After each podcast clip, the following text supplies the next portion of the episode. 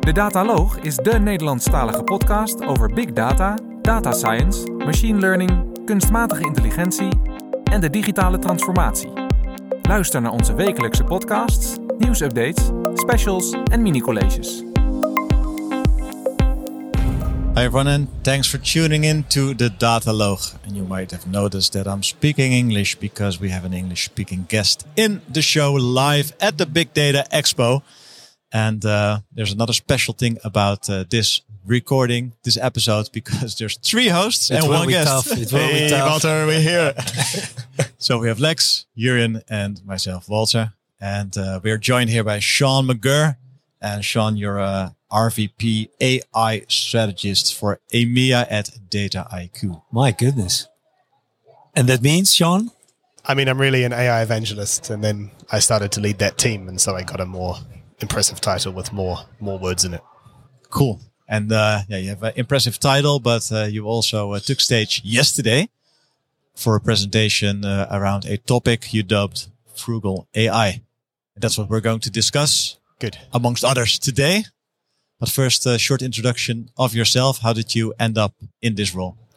Yeah. So me and my team, we are data, uh, digital AI practitioners and leaders by background. So immediately before Dataiku, I was leading a data science and uh, BI team in the automotive industry in the UK.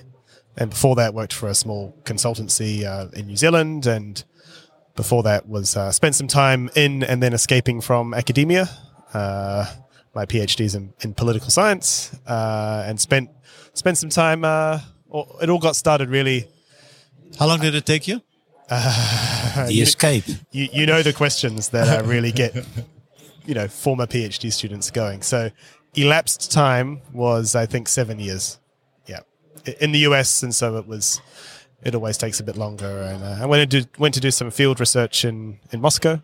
Um, my dissertation was about uh, corruption in, in public procurement. I just read the book uh, Freezing Order. Yeah, You know the book? no, About uh, money laundering in Moscow. Scary stuff. yeah, it was it was research that I was felt safe doing ten years ago, and I wouldn't. do it today. And you completed the PhD. Yeah, yeah, Yeah, Jurjen, yeah. He completed. Yeah, I'm almost finished. Yeah, don't don't.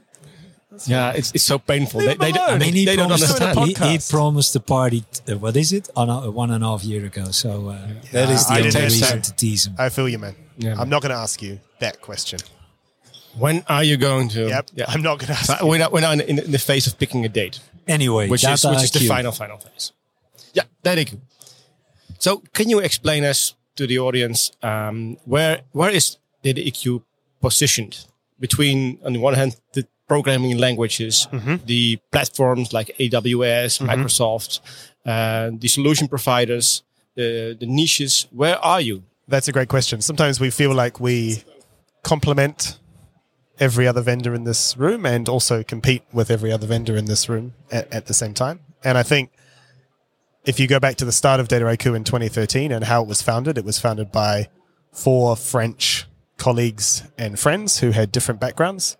One was a management consultant, one was a data scientist, uh, one was a software engineer, and one was a data analyst, I think. And they they they took a a punt the, on a hunch that um, bringing different skill sets together was uh, a unique and interesting way to create value out of data, and um, that's still that's still the sweet spot for Data. So we add the most value when organizations are looking to scale their value from data uh, through getting more people on board, right? Not just experts, and that that necessarily means you have to go beyond code. And what's the thing beyond code that everyone can understand? It's visual metaphors and flows and concepts we didn't invent, but you know we packaged them in a way to deliver a value on top that is not about processing data, that is not about big, fancy, big data replatformy things, but just making the work easier to do and therefore more valuable. I once heard that the documentation part and the, the part of being transparent within your organization about the flows of data, that that's one of the unique propositions of your organization, is it? Exactly. So when when uh, when expert data scientists start to use data Dataiku, they go through a bit of a learning curve. And I'm a data scientist by background, and but a self-taught programmer. So much of the code that I wrote in the past, I no longer understand. And one of the one of the advantages of um, of uh, having even experts work in data Dataiku is that uh, instead of writing a big long notebook of logic maybe the person who wrote it understands, but probably no one else really understands it, simply by decomposing it into steps, what is ultimately a directed acyclic graph underneath. But it starts at the left and it proceeds to the right. And that's a lot more explainable than here's my notebook and I load this package and then, oh, no, I commented that out because it didn't work that time. And then I came back and I, you know, I copied and pasted that code and, and all of that. So we like to think that even for the expert data scientists, we had some incentives to be more modular, right? Uh, and that ultimately does ease the path to production uh, and, and lower some of those barriers that everyone's faced between engineering and, and science. And talking about production, you run on all large net platforms present, uh, currently present for, for all AI Absolutely. Toolings. Yeah. Being born in 2013 was a, a, a beautiful accident, I would say. So the cloud existed, but wasn't dominant, right? So you had to support on-prem at the time and, and lots of customers that we have in their particular regulatory environment, they, they have to run on-prem. Uh, but also Hadoop had already been born and died in between and, and died. And then Spark came along and, you know, it's still, still there and, and other things came along. So I think if we'd been born a little earlier, we might have been a little bit too on-prem. And if a little bit later, we would have been cloud cloud only and not been as sensitive to the needs of these you know large diverse companies that ultimately need to deploy lots of things everywhere. Yeah, so it's a bit of uh, when I look at the uh, solution uh, from left to right, you see the the pipeline, the, the flow. Mm-hmm. You can connect Python R, you can connect databases. You yep. can, at the end, you can store your data at uh, Google, AWS. So Yeah, it's a idea- sort of visual uh, explanation of the process where you have also the workflows. The, Yep. uh, yeah, yeah. It's a it's a place to encode intellectual property, the work. You know, we're increasingly starting to say a place to build data products and manage them through their life cycle. Hey, and can you take us a little bit from 2013 till now? What is the adoption? What is the experience? Uh, are the data scientists uh, not working uh, with it because uh, uh, they feel a sort of uh, being part of and not on their own? eh? That's what I uh, have that feeling that everything is locked and, uh, and you cannot have your own code anymore. that is the learning curve that any expert data scientist goes through. And so we find that the optimal place to talk to uh, an expert data scientist is once they've once they're past the pure playing around stage. If if you're just playing around, what you're doing doesn't yet really matter. You don't have the failures. And so at the um, at the at the Gartner conference in in May, um, someone came up to me after my talk there and said, I have 450 data scientists and we have a productivity problem. And I said, let's talk. And the narrative to those expert data scientists has to be, and I, my background's political science, so I like to make the metaphor of, um, you know, in a democracy, right, we don't always get what we want all the time. Uh, but if we all accept that we that no one will always be in charge, the value of that compromise, the value of accepting 5, 10% less freedom than 100% freedom unlocks a ton more value. And some, some data scientists never get there because they think that their job is to write as much code as possible. And I used to believe that. Um, and unfortunately, you know, in the in the labor market, that mentality is a little bit too rewarded still. And so someone told our chief revenue officer, so my boss's boss last year, I'll get a better next job if I fail to build something like Dataiku than if I just deliver use cases and value. And, and it, it's sad, but that's that's still true for some of it. But even in my 18 months here, it's changing. More and more, yeah, but more and more expert data scientists are seeing that part of their job is actually to help others in the organization who don't even know they could use these techniques get on board. And when we when we get them thinking that way, that's really a, a unique sweet spot for us that you know no one else competes with us on that conversation. We've been looking at uh, at the last decade uh, in data, uh, also your journey, but also Dataiku's journey. Um, yesterday, you took stage and you discussed a topic called you, you dubbed frugal AI. Is that also related to development that you just sketched out for us? The data scientists need to change their mentality and uh, work in a different way to optimize for a result. Yes, that's a very good summary of the of the entire talk yesterday. So I, I couldn't Okay, yeah, well done. We're done. And Yeah. Thanks, thanks everyone for easy podcast. Uh, play the outro music. No, so, um, you know, I couldn't resist coming to a, a, a conference titled Big Data to to to contrast what the world looked like in 2012 versus 2022. Yeah, and and just share my experience of yes, all the fantastic processing technology in this room today is great. The first time I ran a query in in in Databricks, I was like, this won't work. And then it worked. And I thought, oh, that's amazing. And then you realize you can't blame processing time and waiting on computers for why that thing isn't done yet. And so you need to focus on what is the thing you're trying to deliver. And the reason that we like this concept of frugal AI, it's you know, it's it's it's a newish term, but it's really built out of the way that people had to work with AI in the AI winter when they didn't have much data and they didn't have much compute. They had to really think about what they were doing. And if there's one shortcoming of the data industry, it's that a, a, a still persistent belief that we're just collecting more data and use cases will emerge and value will happen. Uh, Nope. You still need to talk to humans who own P&Ls and want to make a change in their business. and- It was a great period in time though when the innovation budgets were sky high and I know, I know. And we meet lots of sandbox for the win. Yeah, we meet lots of people on, you know, uh, who uh, tried that one, two, three times. I was part of a team that was formed uh, in the middle of that. Here's some money, set it on fire kind of moment. See what happens. And if you trace the reasons that those experiments failed, it's because there was there was no product thinking, there was no real objective. It was we've got data. Someone said it's new oil. Let's put it on the thing, crank a handle, and and more money will come out But that's part of the cycle, eh? that's that's the that's the cycle. So it's, and I think AI is also thankfully cresting that wave and going down into the kind of realism realism part of like, okay, we did one two cool things. Uh, have we got any value? Um, and and the, the the selfish reason for for IQ to talk about frugal AI and the increasing cost of cloud computing and electricity and all of these risks of AI is AI use cases will be the first to be chopped if if and when budgets are constrained. So, you know, we, we have an interest in helping people to think more clearly about what they're doing and, and to do it more wisely. So, so you, you looked around in the room uh, and you established, okay, uh, processing power, that's no issue anymore. The data, it's there. So people listen up. Yeah. And then what was the, what, what did you The the give them to bring home? yeah, the the sort of the the trigger for starting the the takeaway message was when the when the press, when the media talk about AI and job losses, they usually talk about people not in this room.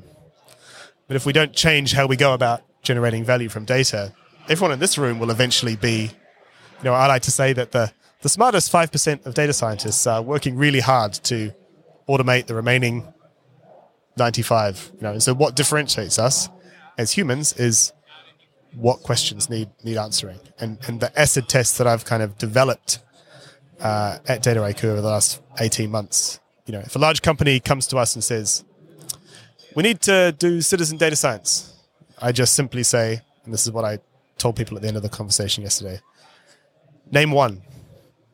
Name one person, real person. Name, job, need. And you guys wouldn't be surprised that sometimes people can't answer that question. And so that's what we help people to do who think that they want to do citizen data science. We help them as part of our sales process find real people and and and the hook back to frugal AI is when you find real people and real business needs, you probably have the data already. You don't need more technology to put them on the path to success. Does this metaphor also come from your background in political science that the politicians also need to campaign and go into the street?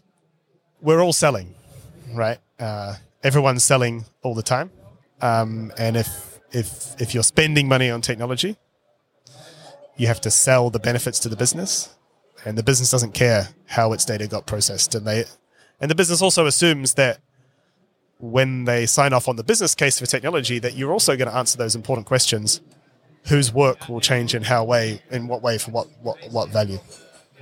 Um, you may you may know Andrew Ng of course. He's now coining the idea of data centric AI. Um, that's about getting the more improved data rather than big data. How does it relate to your frugal AI ideas? massive massive overlap i would say that that is really the 2022 version of uh, of of frugal ai um, in terms of processing lots of data i think it's mostly technologically solved um, do we believe that someone's going to come up with a completely new architecture of algorithms in the next whenever maybe uh, when they do, that will be difficult to use, and then it will go through the same cycle, and it will be more adoptable. And so, the flip side of, of being frugal is if you choose the right sample of data, you don't. If you choose the right subset of data, and what the right subset is is why humans are still needed here. Um, you can get all of the benefits, and you can make a lot more impact tweaking that rather than tweaking the code and tweaking the algorithm. So if I, I if I'm a data scientist and I, I heard your terms frugal AI, get this morning Monday morning at, uh, at work, what do I do differently than past Monday mornings when I got to work? Yep. So when I was a consultant, data scientist, a lone wolf going into a public sector organization in New Zealand, uh, the thing I would do on the Monday morning was say, "Give me all your data." The reason I did that was that was the way that I knew how to understand how the organization works. The other reason is data scientists are often rightly terrified of asking IT multiple times for the same or similar data. And so the first thing to do on Monday morning for, for a data scientist is to Ask all data. yeah, yeah, yeah. resist resist that temptation. Yeah. Right. Um, find another way to work out what data that you do need. Yeah. And that's really difficult, especially when they won't show you the data catalog because you're an external person and all of that. Yeah. But this this mentality that data scientists have, give me all the data, I'll figure out all my everything else myself is you know, is, is not very helpful for being frugal. So what do you do then? If you don't you don't ask for data, what what what's the question, the core questions you ask to whom when you do the frugal AI part? I think you need to look at what are the existing solutions already out there. So one of my colleagues in the States who does the same job told me, you know, Shaun, the problem with low hanging fruit is that it's low hanging for a reason and some of it's even fallen off the tree already and is being consumed by some other parasitic process. And in my experience, Excel, Excel. yeah. Yeah. I mean, my my data science team in my previous job, we had no problem building the use cases that were relevant. What we didn't understand was that the status quo was stronger, right? Uh, so we built forecast models that weren't adopted. We built this that there was an existing way of doing those things that um, you need to know about uh, before, and that that will change what you work on. Uh, If you, uh, we spoke about the past, about data applications. Mm-hmm. We spoke a little bit about today. Where do you think are we at the uh, data maturity cycle? Where are we? Is it the beginning? Is it already on top? Where are we? That's a tough question. Um, we see, What would maturity look like? yeah. Well, you know, you have the the the, the, the product cycle, the maturity cycle. Uh, w- w- what is our feeling? Where are we? I spoke yesterday with your colleague. Uh, Well, a hype Walter. cycle, like the throw the Yeah, solution and yeah, adoption yeah, rate. yeah. Okay, in- Innovators and Yeah. where are we? I think we're on the on the scary and necessary part of the of the curve where lots of people spend a lot of time and a lot of money to collect a lot of data. And uh, I did a little survey during my talk yesterday. You know, who's seen a correlation between amount of data collected, stored, processed, and the quality and data drivenness of decisions? And you know, no, no one put up their hand. Um, so I don't know if we've crested the wave or, you know, we, we see this.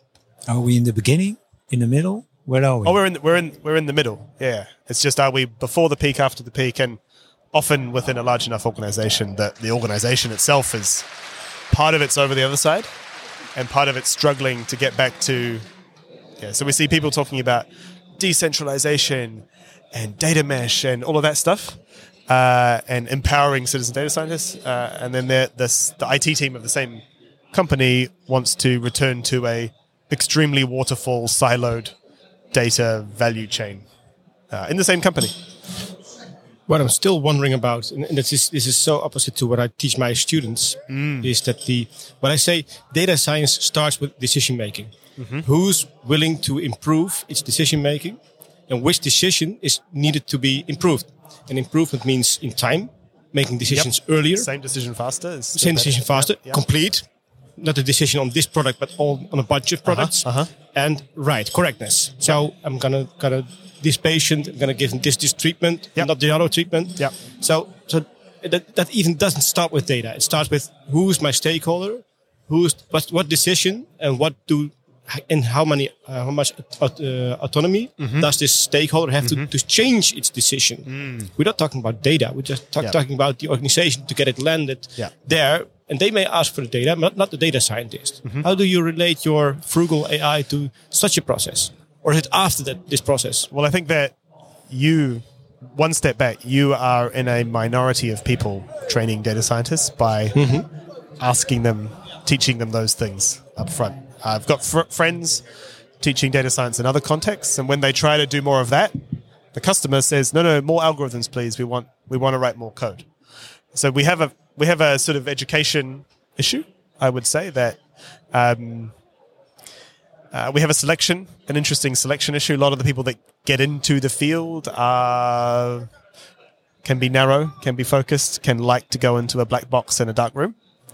It's difficult for them to punch out of that and ask those difficult questions. And then I think the hardest thing of all is you have to accept that many organizations, the levers that you want to apply, just don't exist. And that was a that was a trigger for me leaving my last job. Is this, you know, we built things that could have changed those decisions, but there was no lever, and especially no digital lever, to apply that weight to. Um, some organizations just aren't ready to change the way they make decisions. They want to do uh, decision-driven data making rather than uh, than the other way around, and that's a tough place to be. It's a complex situation. Eh? What you said, it's even before the business case. Then you have the business case, which is also difficult for a lot of uh, people. And then the process starts. Uh, then you have the data scientists who want to do things on their own instead of. Uh, and then at the end of the day, uh, the uh, the project is uh, clear, but is it Yeah. being used? But to answer answer the, the end of your question, what does that have to do with frugality? Being frugal just means that you learn that sooner. Right? You don't get 6, 12, 18 months into investing in a project and go, oh, wow, they said it was strategic that we build this thing. And then you got to the finish line and, oh, the race was a different race. Yeah, I, I understand we need to finalize it, but uh, a, a last Dutch question. There is a free version available eh, of Dataiku. For 14 days, it's free. And uh, if you don't learn everything you need to know, we're happy to keep happy to keep talking. My final question. Um, I can imagine you have written something about frugal AI, a white paper. Why can we find it? if you go Frugal AI, uh, Dataiku into your favorite uh, search engine, uh, one of my colleagues actually on, on my team, Simone Larson, just did a three part series on Frugal AI, linking it to some, some broader themes around ESG um, and to Dataiku as well. I suppose we could link it uh, in the episode details as well, right? Yeah, of course. Put it in the show notes. Put it in Put the show in the show notes. There we go. Thank you for being here. Thanks. Thanks so much for having me. Bedankt voor het luisteren naar deze uitzending van de Dataloog. Vond je onze podcast leuk, goed, interessant of wellicht te veel ene en nullen? Laat een review achter of geef thumbs up. Heb je vragen of opmerkingen? Kijk dan ook eens op www.dedataloog.nl. Hier staan ook de show notes van alle uitzendingen. Je vindt onze nieuwe uitzendingen wekelijks op iTunes, Stitcher, Spotify en alle andere bekende podcastplatforms. Alles wat wij maken doen we onder Creative Commons. Je mag alles hergebruiken voor niet-commerciële doeleinden, zolang je ons als bron maar noemt. Volg ons op Twitter op @dedataloog. Graag tot de volgende keer.